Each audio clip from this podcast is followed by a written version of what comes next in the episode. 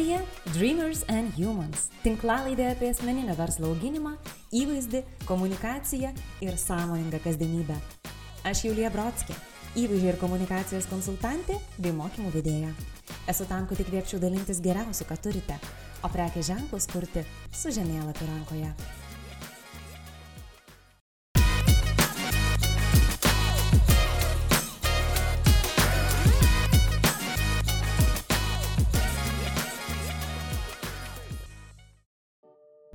Sveiki visi!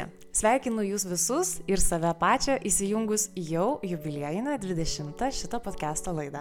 Man labai labai smagu, kad ją pasikviečiau ne ką kitą, o savo vyrą Edmundą, kuris yra ne tik tai snieglenčių sporto ir rėdučių instruktorius, tačiau kaip pats mėgsta sakyti laisvų laikų, na, iškepa vieną kitą internetinį puslapį arba internetinę parduotuvę. O kadangi nemaža dalis iš jūsų dažnai iš tikrųjų klausinėjate, ar man reikia turėti apskritai internetinį puslapį, kuomet taip puikiai veikia mano Instagram ir Facebook arba LinkedIn paskyra, Tai iš tikrųjų dažnai tenka ieškoti visokių atsakymų, ar reikia ar nereikia. Tai šiandien pakalbėsime apie internetinės svetaines, apie elektroninės parduotuvės ir pasižiūrėsime, kokių galbūt yra šiuo metu pasaulyje tendencijų, kaip turėtų atrodyti internetinės svetainės ir galiausiai, ką reikėtų daryti, jeigu nuspręsime, kad norim turėti tokį dalyką, kokius namų darbus reikia prieš tai pasidaryti. Tai labas Edmundai. Labas Julija. Ačiū tau, kad atėjai, labai nereikėjo toli eiti, kai viskas vyksta mūsų namų svetainėje. Pradėkime iš karto tiesiog nuo pačio pirmo ir dažniausiai išduodamo klausimo. Kokie yra privalumai turėti tą internetinę svetainę ir, ko, ir kokie galbūt galėtų būti argumentai, kai, na, nelabai jos reikia?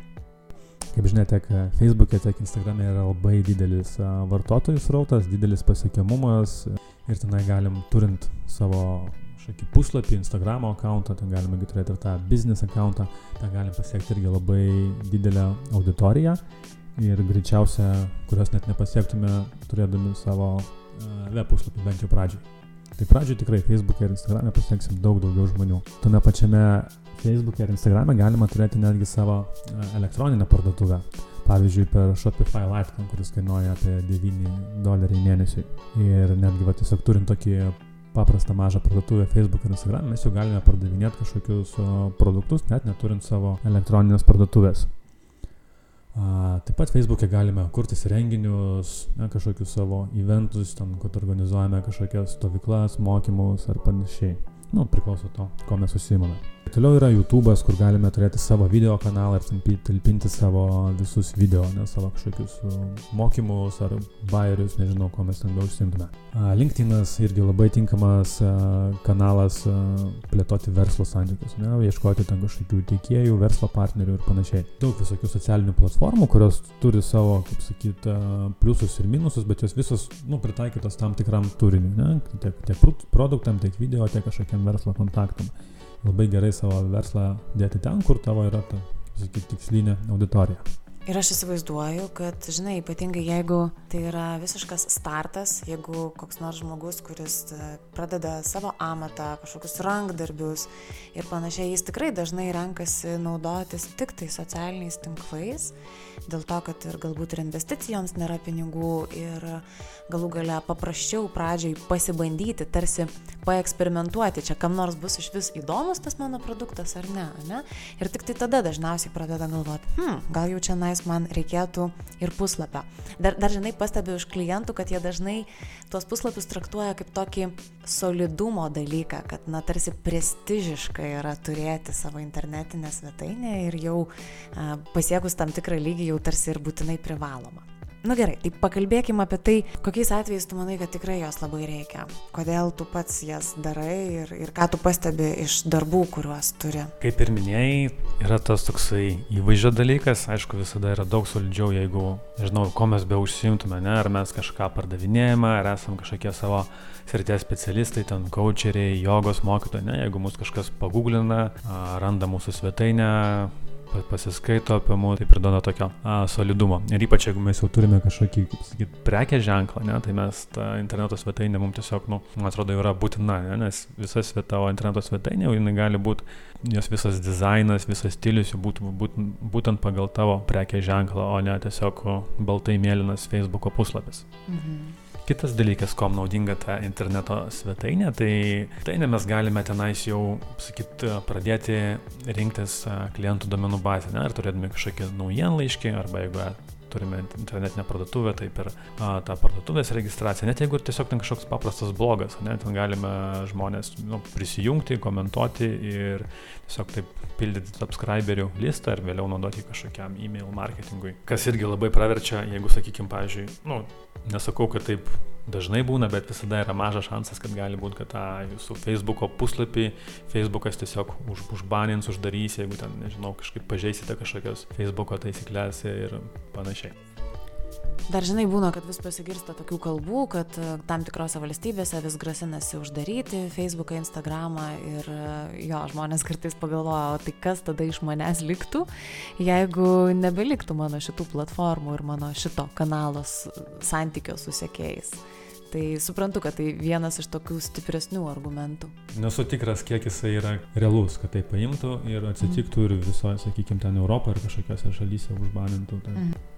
Ar yra kažkokių funkcijų, kurių mes negalim daryti platformose socialinių tinklų ir kur jau tu matai, kad aha, va čia jau be webo tikrai neišsiversite? Nu, pavyzdžiui, jeigu mes norime turėti kažkokią, kaip sakyti, didesnę parduotuvę, ne, tai vis tiek jinai interneto svetainė, jinai bus irgi ir pagal mūsų stilių labiau ir daugiau, kaip sakyti, galima įdėti turi didesnį katalogą visokiom kategorijom ir panašiai, filtrais, kaip tos produktus išsirinkti, jų aprašymus.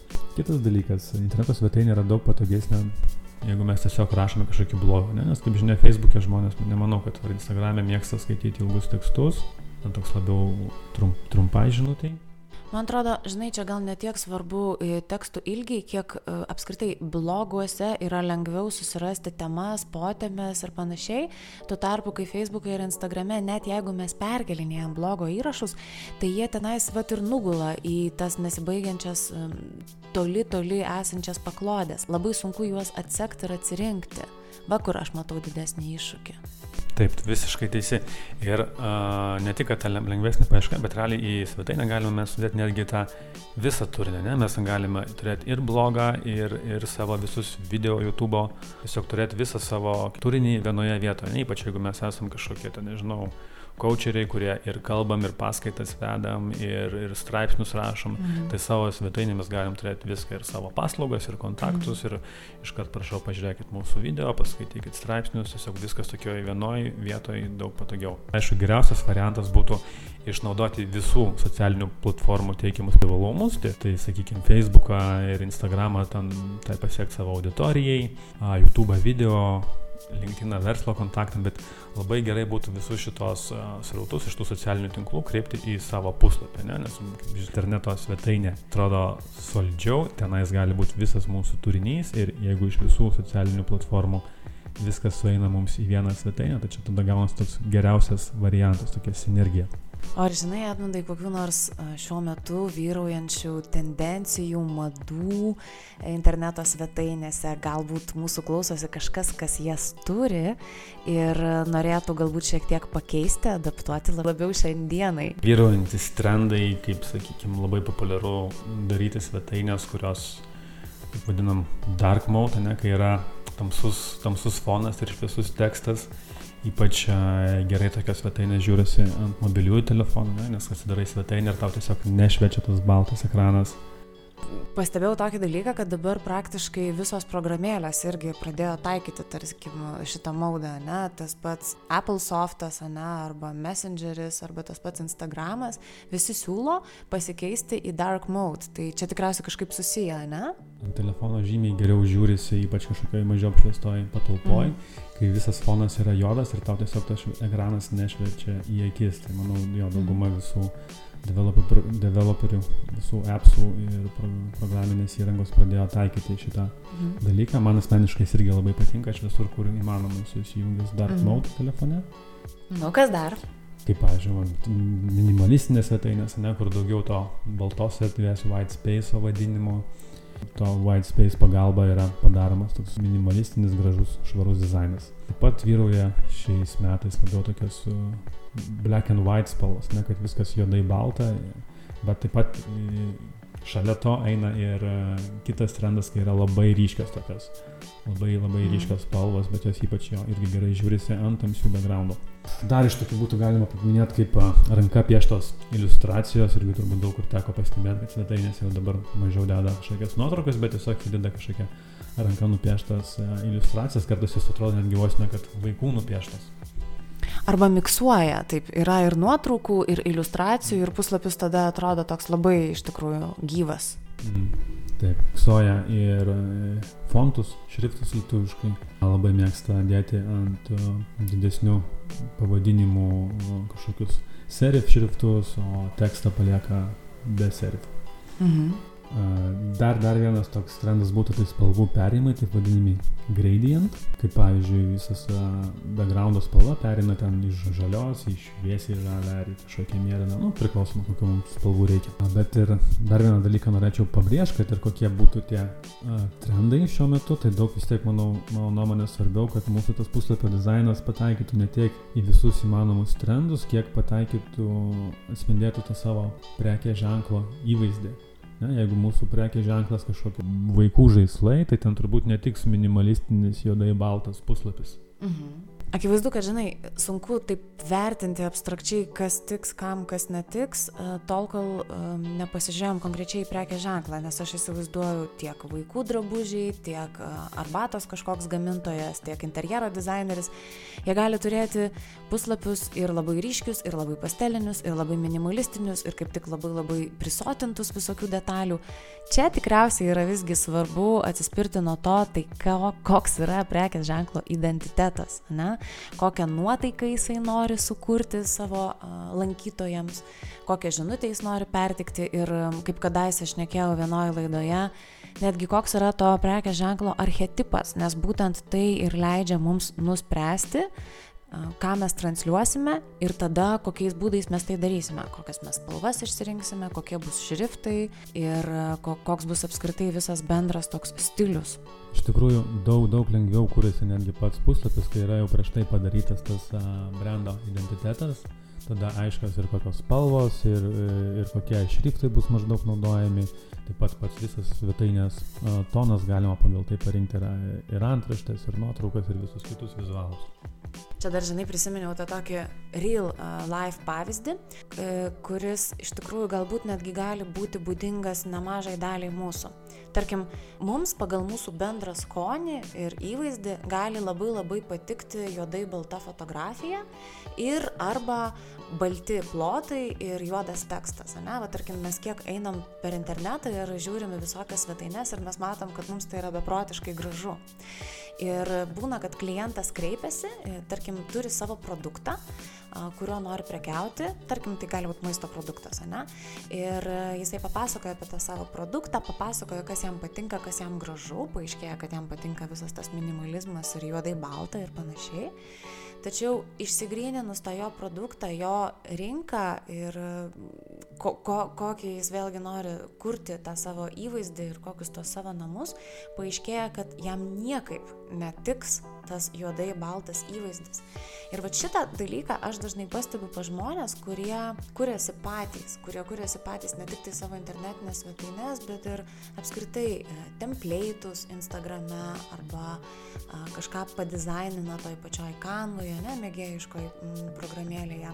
Mes nebesugebama atskirti, kur mums šiaip gražu ir kas tinka mūsų konkrečiai prekės ženklui. Tai va šitoje vietoje šiandien visiems labai labai noriu uždėti šitą akcentą, tai yra svarbi dalis. Nes mums gražu gali būti labai daug kas, bet tai nebūtinai tiks mūsų bendram įvaizdžiui, įspūdžiui ir aišku internetiniams svetainėms. O, tai iš čia man atėjo toks naujas klausimas. Iš tikrųjų, yra visos sąlygos yra dabar tam kurtis internetinės svetainės patiem, ne? Mes žinom apie tokias platformas kaip Squarespace, Wix, tas pats WordPressas a, turi tokias galimybės ir iš karto noriu pasakyti, kad reklama nėra apmokėta. tai um, kokia tavo nuomonė apie šitas dalis? Nes iš tikrųjų yra daug kas, kas yra kūrybiški žmonės ir sako, aš pats įsikursiu savo internetinę svetainę, tam pilna fainų šablonų. Hm? Taip, iš tikrųjų dabar turbūt yra paprasčiau nei bet kada susikurti savo internetinę svetainę. Tačiau kalbant apie tos visus WordPress.com, Wix, Squarespace ir panašius. Jų, jų pliusai būtų tokie, kad iš tikrųjų ją susikurti yra ir gan paprasta, ir gan pigu, yra didelis template pasirinkimas. A, tačiau būtina atkreipdėmėsi, ne, kad jeigu mes kūrime svetainę ten, ten dažniausiai dar būna kažkokie, be to, kaip sakyt, paties šablono kainos, būna dar kažkokie kaštai visi hostingo, kažkokio papildomo funkcionalumo ir dažniausiai tie mėnesiniai kaštai tada tokiu atveju būna didesni negu m, darant svetainę, kaip sakyt, ne per tokią platformą mhm. jums pačiam hostinant. Dar norėčiau paminėti porą tokių minusiukų, kad e, jeigu pasidarom svetainę ant kažkokio šablono, tai mes esame jau pririšti prie tos temos. Ne? Ir dažnai norint papildomą funkcionalumą, jo tiesiog tam, tame šablone nėra. Ne? Ir tada jau tokiu atveju tenka arba samdyti kažkokį developerį, kad tenais keistų tą visą kodą ir padaryti mums tą papildomą funkcionalumą arba tiesiog tenka ieškoti kitos temos ir keisti visą temą, kuri tą funkcionalumą turi. Ne? Čia kaip pavyzdžiui, pavyzdį galiu paminėti, jeigu norime, sakykim, kad svetainės ant pačioj pradžioj būtų, būtų eitų kažkoks video, ne, sakykim, mm -hmm. per visą ekraną ir nesimatytų ten jokių ten, sakykime, jeigu mes tą video paėmėm iš YouTube, kad nesimatytų, kad jis ten iš YouTube paėmtas ar panašiai, tai šablonas šito funkcionalumo gali ir nebūti. Mhm. O tai tarp tų temų ten įmanoma migruoti ar ne? Įmanoma, bet dažniausiai jos būna mokamos ir tiesiog jeigu norint keisti temą, reikia vėl mokėti už tą temą. Dar norėčiau, jo, kaip sakiau, jas pasidaryti ant gan paprastą, bet, nu, turiu minį paprastą. Man, man iš tikrųjų būtų paprasta, ne, tau turbūt irgi būtų paprasta, mm bet uh, kažkam, kas, sakykime, kompiuterinis raštingumas, kad nu nėra aukštas, tai gali būti iš tikrųjų ir sudėtinga. Sakykime, jeigu žmogus, nu, būna netokių žmonių, kurie kuriems sunku net Facebook'e page pasidaryti, mm. -hmm. nes sek daug mygtukų, viską kažką konfigūruoti, daryti reikia. Tai tada pasidaryti kažkokią svetainę Vix'e irgi turbūt bus pakankamai sudėtinga. Jo, tai čia tikriausiai vėlgi reikia labai pagal save tikrintis. Yra tikrai daug kūrybiškų žmonių ir, ir norinčių netgi išmokti daryti tas svetainės patiems.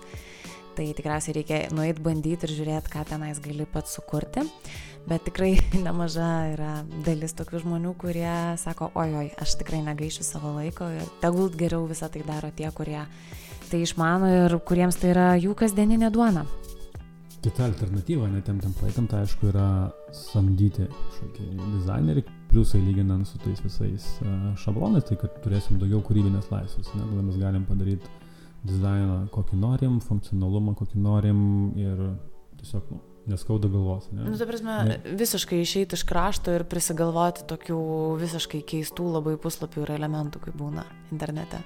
Jo, ga, galim ir taip, bet kažkaip ne, nerekomenduoju per daug išeiti iš krašto, vis tiek geriau tas, kaip sakyt, kad svetainės uh, dizainas, kad netrukdytų jos funkcionalumui.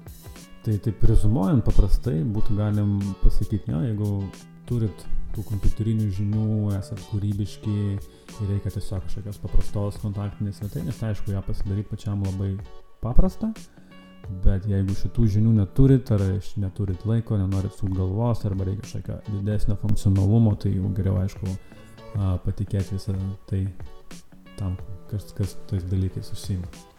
Žinai, ir mes labai daug šiandien stovim kalbam apie dizainą, spalvas, įvaizdį ir nuotaikas ir panašiai. O aš dar noriu grįžti prie to tokio puslapio tikslo, ne? Kartais mes irgi dėja, bet nesusimastome apie tai, o ką mums jo reikia.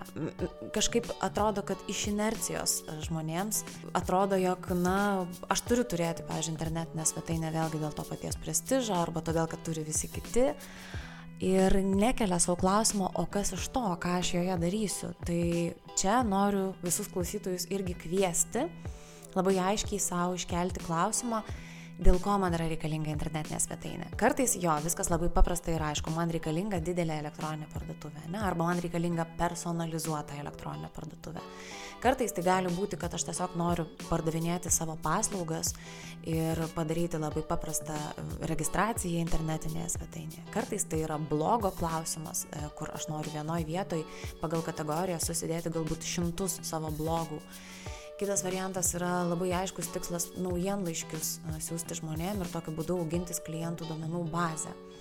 Tai tų tikslų gali būti, gali būti vienas, gali būti netgi ir keli kompleksiškai, bet reikia labai suprasti, ką mes darom. Nes visų pirma, mūsų svetainė, kad ir kokia jinai bus graži ir panašiai, jinai turi atlikti savo pagrindinę funkciją ir pagrindinę užduotį. Ir čia irgi, ką dažnai tenka matyti, na, internete, kur matom, kad tarkim svetainė graži ir viskas joje kaip ir gerai ir galbūt netgi ir madinga, bet nebūtinai patogi naudotis ir nebūtinai lengva ir aišku, kaip joje ką susirasti ir ką joje veikti. Noriu dar pabaigai pakabinti vieną kitą klausimą, kurie žmonėms kyla, kalbant apie internetinės svetainės, tai užduosiu tau. Vienas toks dažnas dalykas, vat žmonės klausia, kas yra tas internetinės svetainės, va ta pradžia, ne, kur būna dar prieš www būna tie HTTP arba HTTPS. Tai kaip turėtų būti Edmundai ir kas tai lemia? Ta S raidė ant galo, jinai labai, labai reikia, kad jinai ten būtų. Čia reiškia, kad ten įdėtas SSL sertifikatas, bumo sertifikatas ir dėka, jisai yra būtinas, norint turėti elektroninę parduotuvę ir šiaip net neturint elektroninės parduotuvės, Google paieška geriau reitingos svetainė, jeigu bus ten ta S raidelė su SSL sertifikatu. Būna mokami, būna nemokami, bet e, jeigu prisiminsime, kalbėjome apie tos visus svetainių šablonus ir jeigu darom kažkokiam vykse ar panašiai, tai jie ten dažniausiai tie SSL būna mokami ir jie kainuoja dar kažkiek papildomai per mėnesį. Mhm. Tie, kas turite savo internetinės svetainės, pasitikrinkite, kaip atrodo jūsų adreso pradžia turėtų būtinai būti S raidelė, o jeigu jos nėra, vadinasi reikėtų įsidėkti SSL sertifikatą.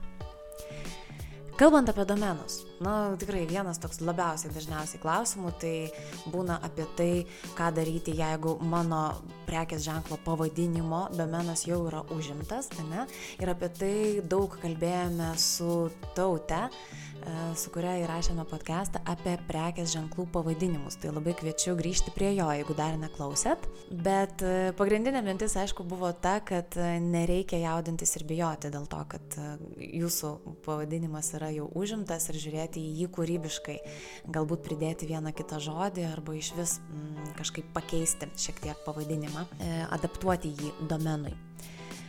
O kokias tu, Edmundai, šiaip dar klaidas dažnai pastebi galbūt kai žmonės kūrė domenus arba kuriuos jau jie registruoja. Tai gal ne tiek, jog jos kūriant ar registruojant pastebi tas klaidas, bet šiaip apskritai yra tokios, kaip sakyt, tai taisyklės domeno pavadinimo. Kaip, kaip tarėte, jis turi taip ir pasirašyti, ne? kad nebūtų, pavyzdžiui, kažkaip gerai, kad nebūtų ten dvi vienodos raidės iš eilės, ypač naudojant kažkokį lietuvišką domeną. Jeigu, pavyzdžiui, sakykime, mūsų brandas vadinasi Labas Saulė. Mhm. Tai jeigu mes jau parašysim Labas Saulė LT, jau ten bus dvi S raidės. Ir nu, žmogus tiesiog gali nežino, kaip ten rašyti, ar su dviem S, ar su viena S. Reikia pasižiūrėti, kad tame žodį irgi neatsirastų kažkokių galimybių jį perskaityti uh, kitaip, ne? nes jeigu dabar parašom Labas Saulė su dviem S, tai atsiranda lab, S, aulė.lt. Nu, tapsime galima jį visai kitaip išskaityti.